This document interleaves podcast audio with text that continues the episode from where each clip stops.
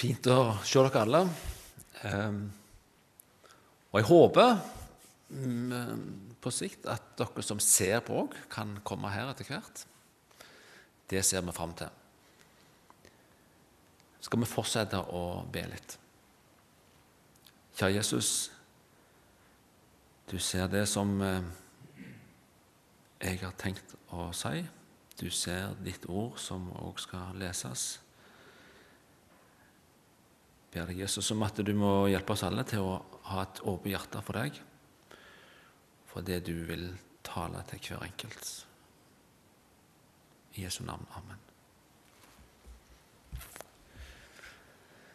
Ja, det er jo naturlig at eh, når vi er rett på et nytt år og akkurat har en jul som har passert, så er jo det ting som ikke slipper helt taket. Iallfall ikke med meg.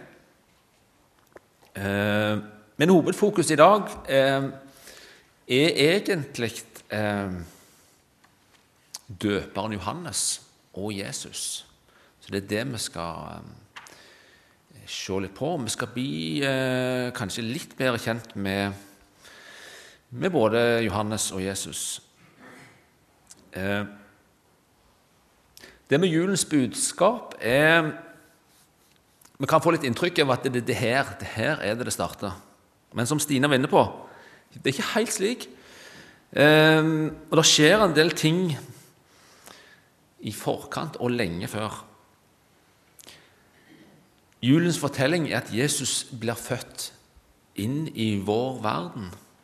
Og det er det vi i dag skal lese om. Eh, og som Johannes egentlig er med å starte på, er en stor vekkelse.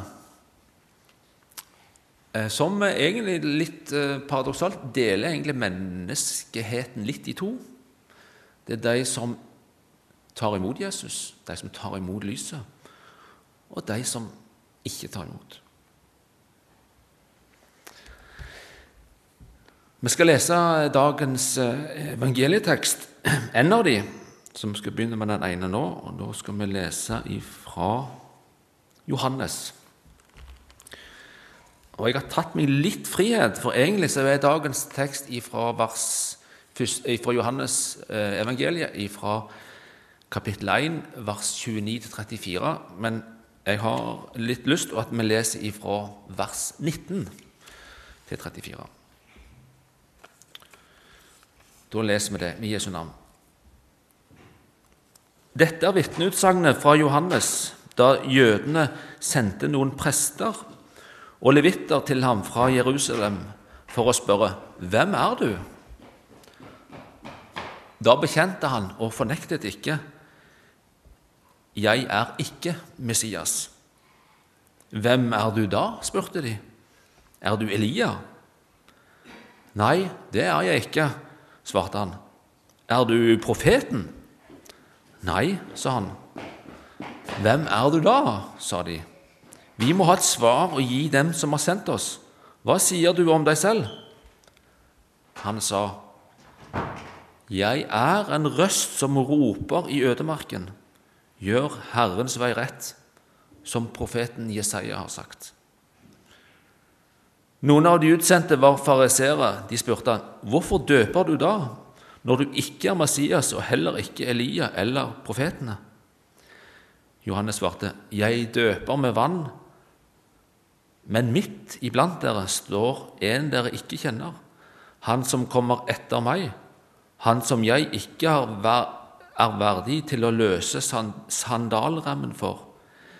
Dette hendte i Betania på den andre siden av Jordan, der Johannes var og døpte. Dagen etter ser han Jesus komme gående mot seg, og han sier, Se Guds lam, som bærer bort verdens synd. Om han var det jeg sa, etter meg kommer det en mann som er kommet før meg, for han var til før meg. Jeg kjente han ikke, men for at han skal bli åpenbart for Israel, er jeg kommet og døper med vann. Og Johannes vitnet og sa, Jeg så ånden dale ned fra himmelen som en due, og den ble værende over han.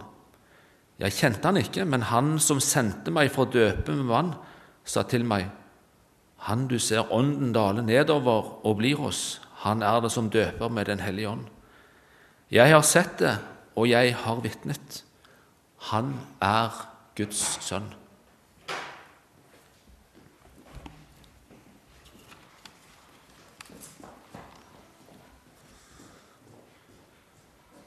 Egentlig så er jo dagens bibeltekster så innholdsrike at egentlig så kunne jeg bare lest dem, og så kunne jeg bare satt meg ned, og så kunne vi alle grunne litt på det. Men jeg skal prøve meg på å si litt, litt til. Eh, vi møter jo to personer i dag. Det er Johannes og selvfølgelig Jesus. Og det er egentlig mye å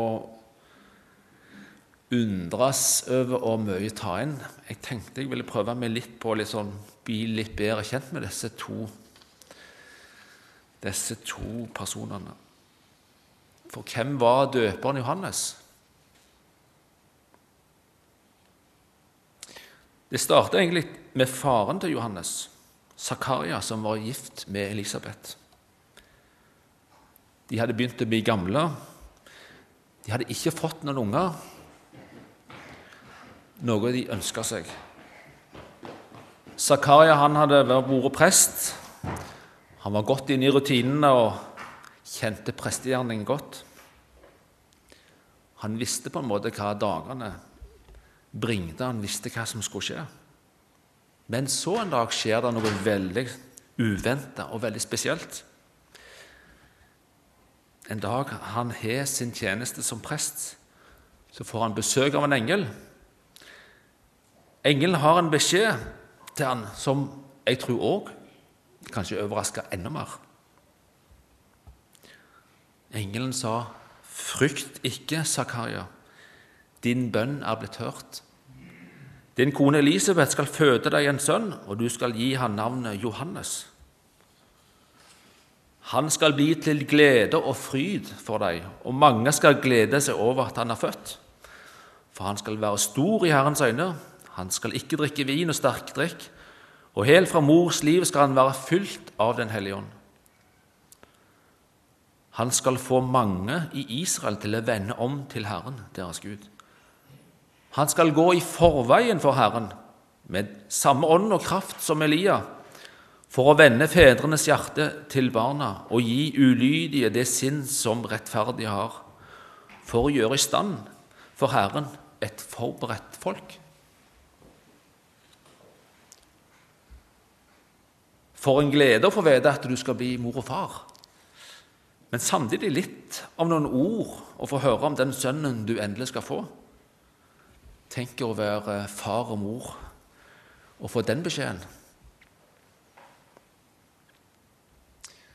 Maria har blitt gravid. Hun har Jesus i magen.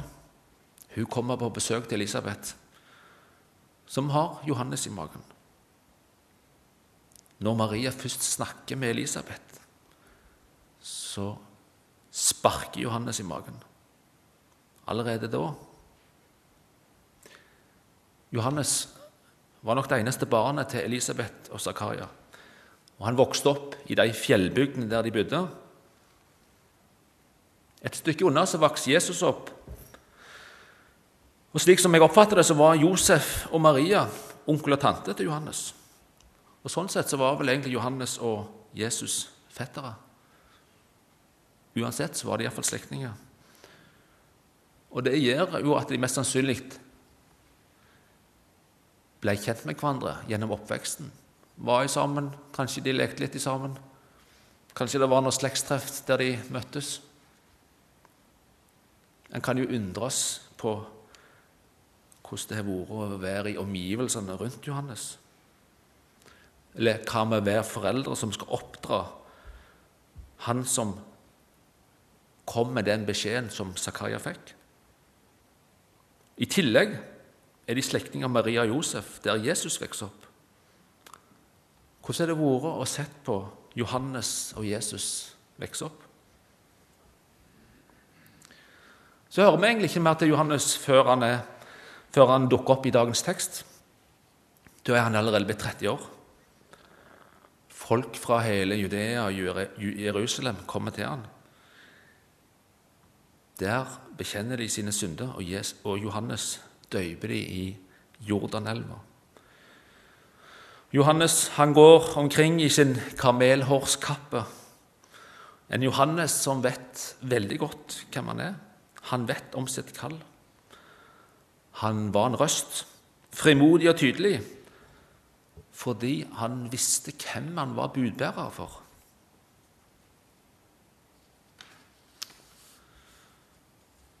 Så har vi Jesus, da.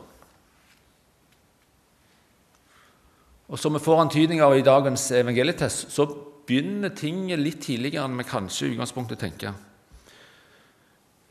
Eh, så vi skal lese litt den andre leseteksten for i dag, som vi finner i Paulus sitt brev til kolosserne, i første kapittel fra vers 15 til 20. Og dette er om Jesus. Han er den usynlige Guds bilde, den førstefødte før alt det skapte. For i ham er alt blitt skapt, i himmelen og på jorden, det synlige og det usynlige. Troner og herskere, makter og åndskrefter, alt er skapt ved ham og til ham. Han er før alt, og i ham ble alt holdt sammen.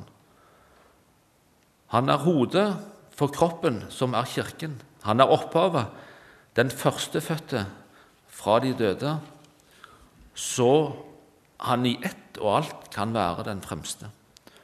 For i ham vil Gud la hele sin fylde ta bolig, og ved ham vil Gud forsone alt med seg selv, det som er på jorden og det som er i himmelen, da han skapte fred ved hans blod på korset.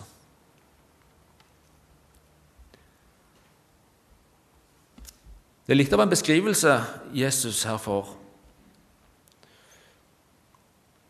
Og så skjer det veldig, veldig underlige. Jesus han blir født inn i vår verden, en verden han sjøl har lagd. Det som ofte på fint kalles inkarnasjonen. Altså Guds sønn, han blir et lite menneske, et spedbarn et lite, hjelpeløst barn som er Guds sønn. Og Det er unikt i verden.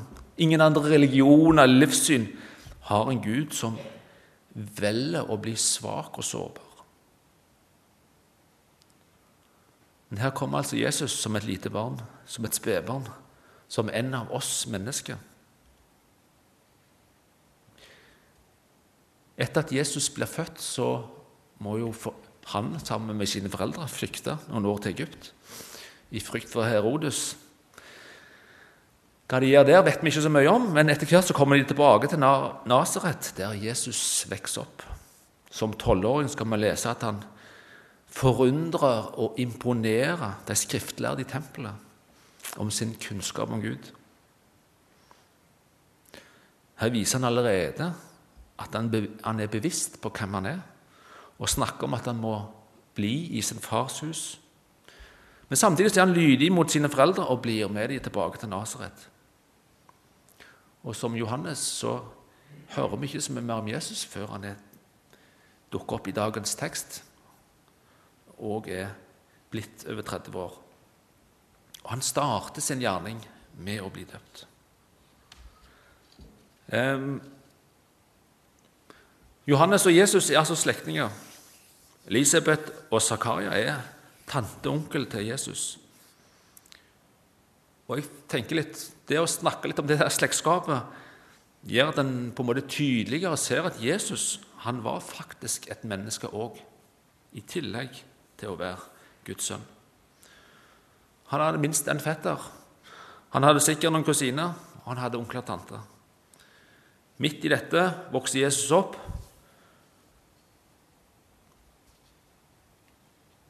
Og Man kan lure litt på hvor mye visste de om sitt kall, sin gjerning, det de skulle bli, når de vokste opp. Når ble de bevisst sitt eget kall?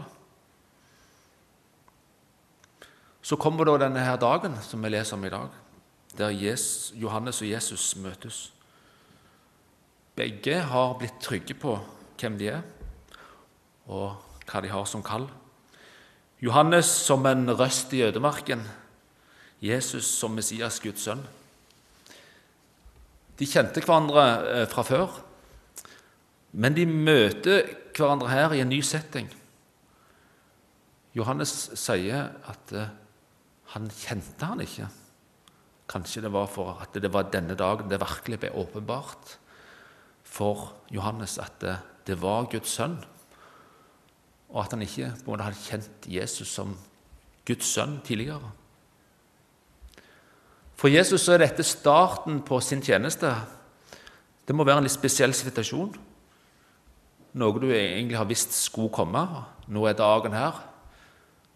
Kanskje endelig. Nå er det offentlig. Og Her starter han sin tjeneste blant oss mennesker.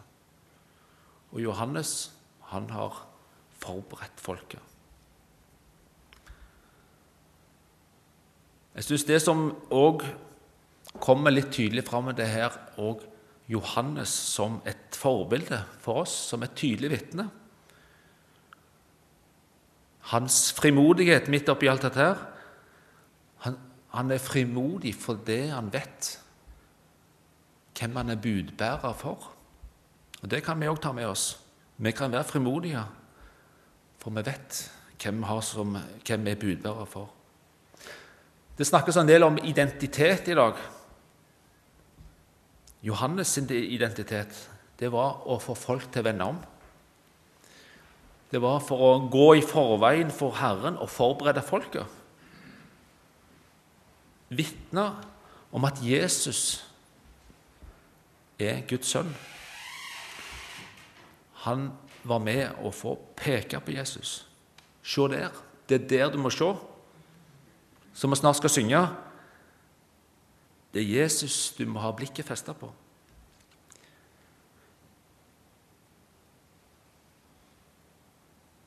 Han sier òg 'Se der Guds lam som bærer bort verdens synd'. Bærer bort verdens synd. Og så sier han òg 'Jeg har sett det, og jeg har vitnet'. Han er Guds sønn.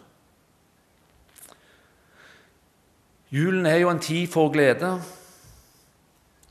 Det beste med julen er jo, kanskje at Jesus ble født. Guds store julegave til oss, som Peter snakket om forrige søndag. Det er denne gleden som er viktigst for feiringen i julen. Dette høres kanskje litt merkelig ut. Jeg må si jeg stussa litt på det òg første gang jeg hørte dette. her. Men hadde ikke Jesus blitt født, så kunne han heller ikke ha dødd i påsken. Men siden han ble født, og døde slik som han gjorde, så, kan, så kunne han derfor ta all min skyld, all din skyld, all vår skyld på seg, bære bort verdens synd. Og som en sa, egentlig så er det beste med julen det som skjedde i påsken.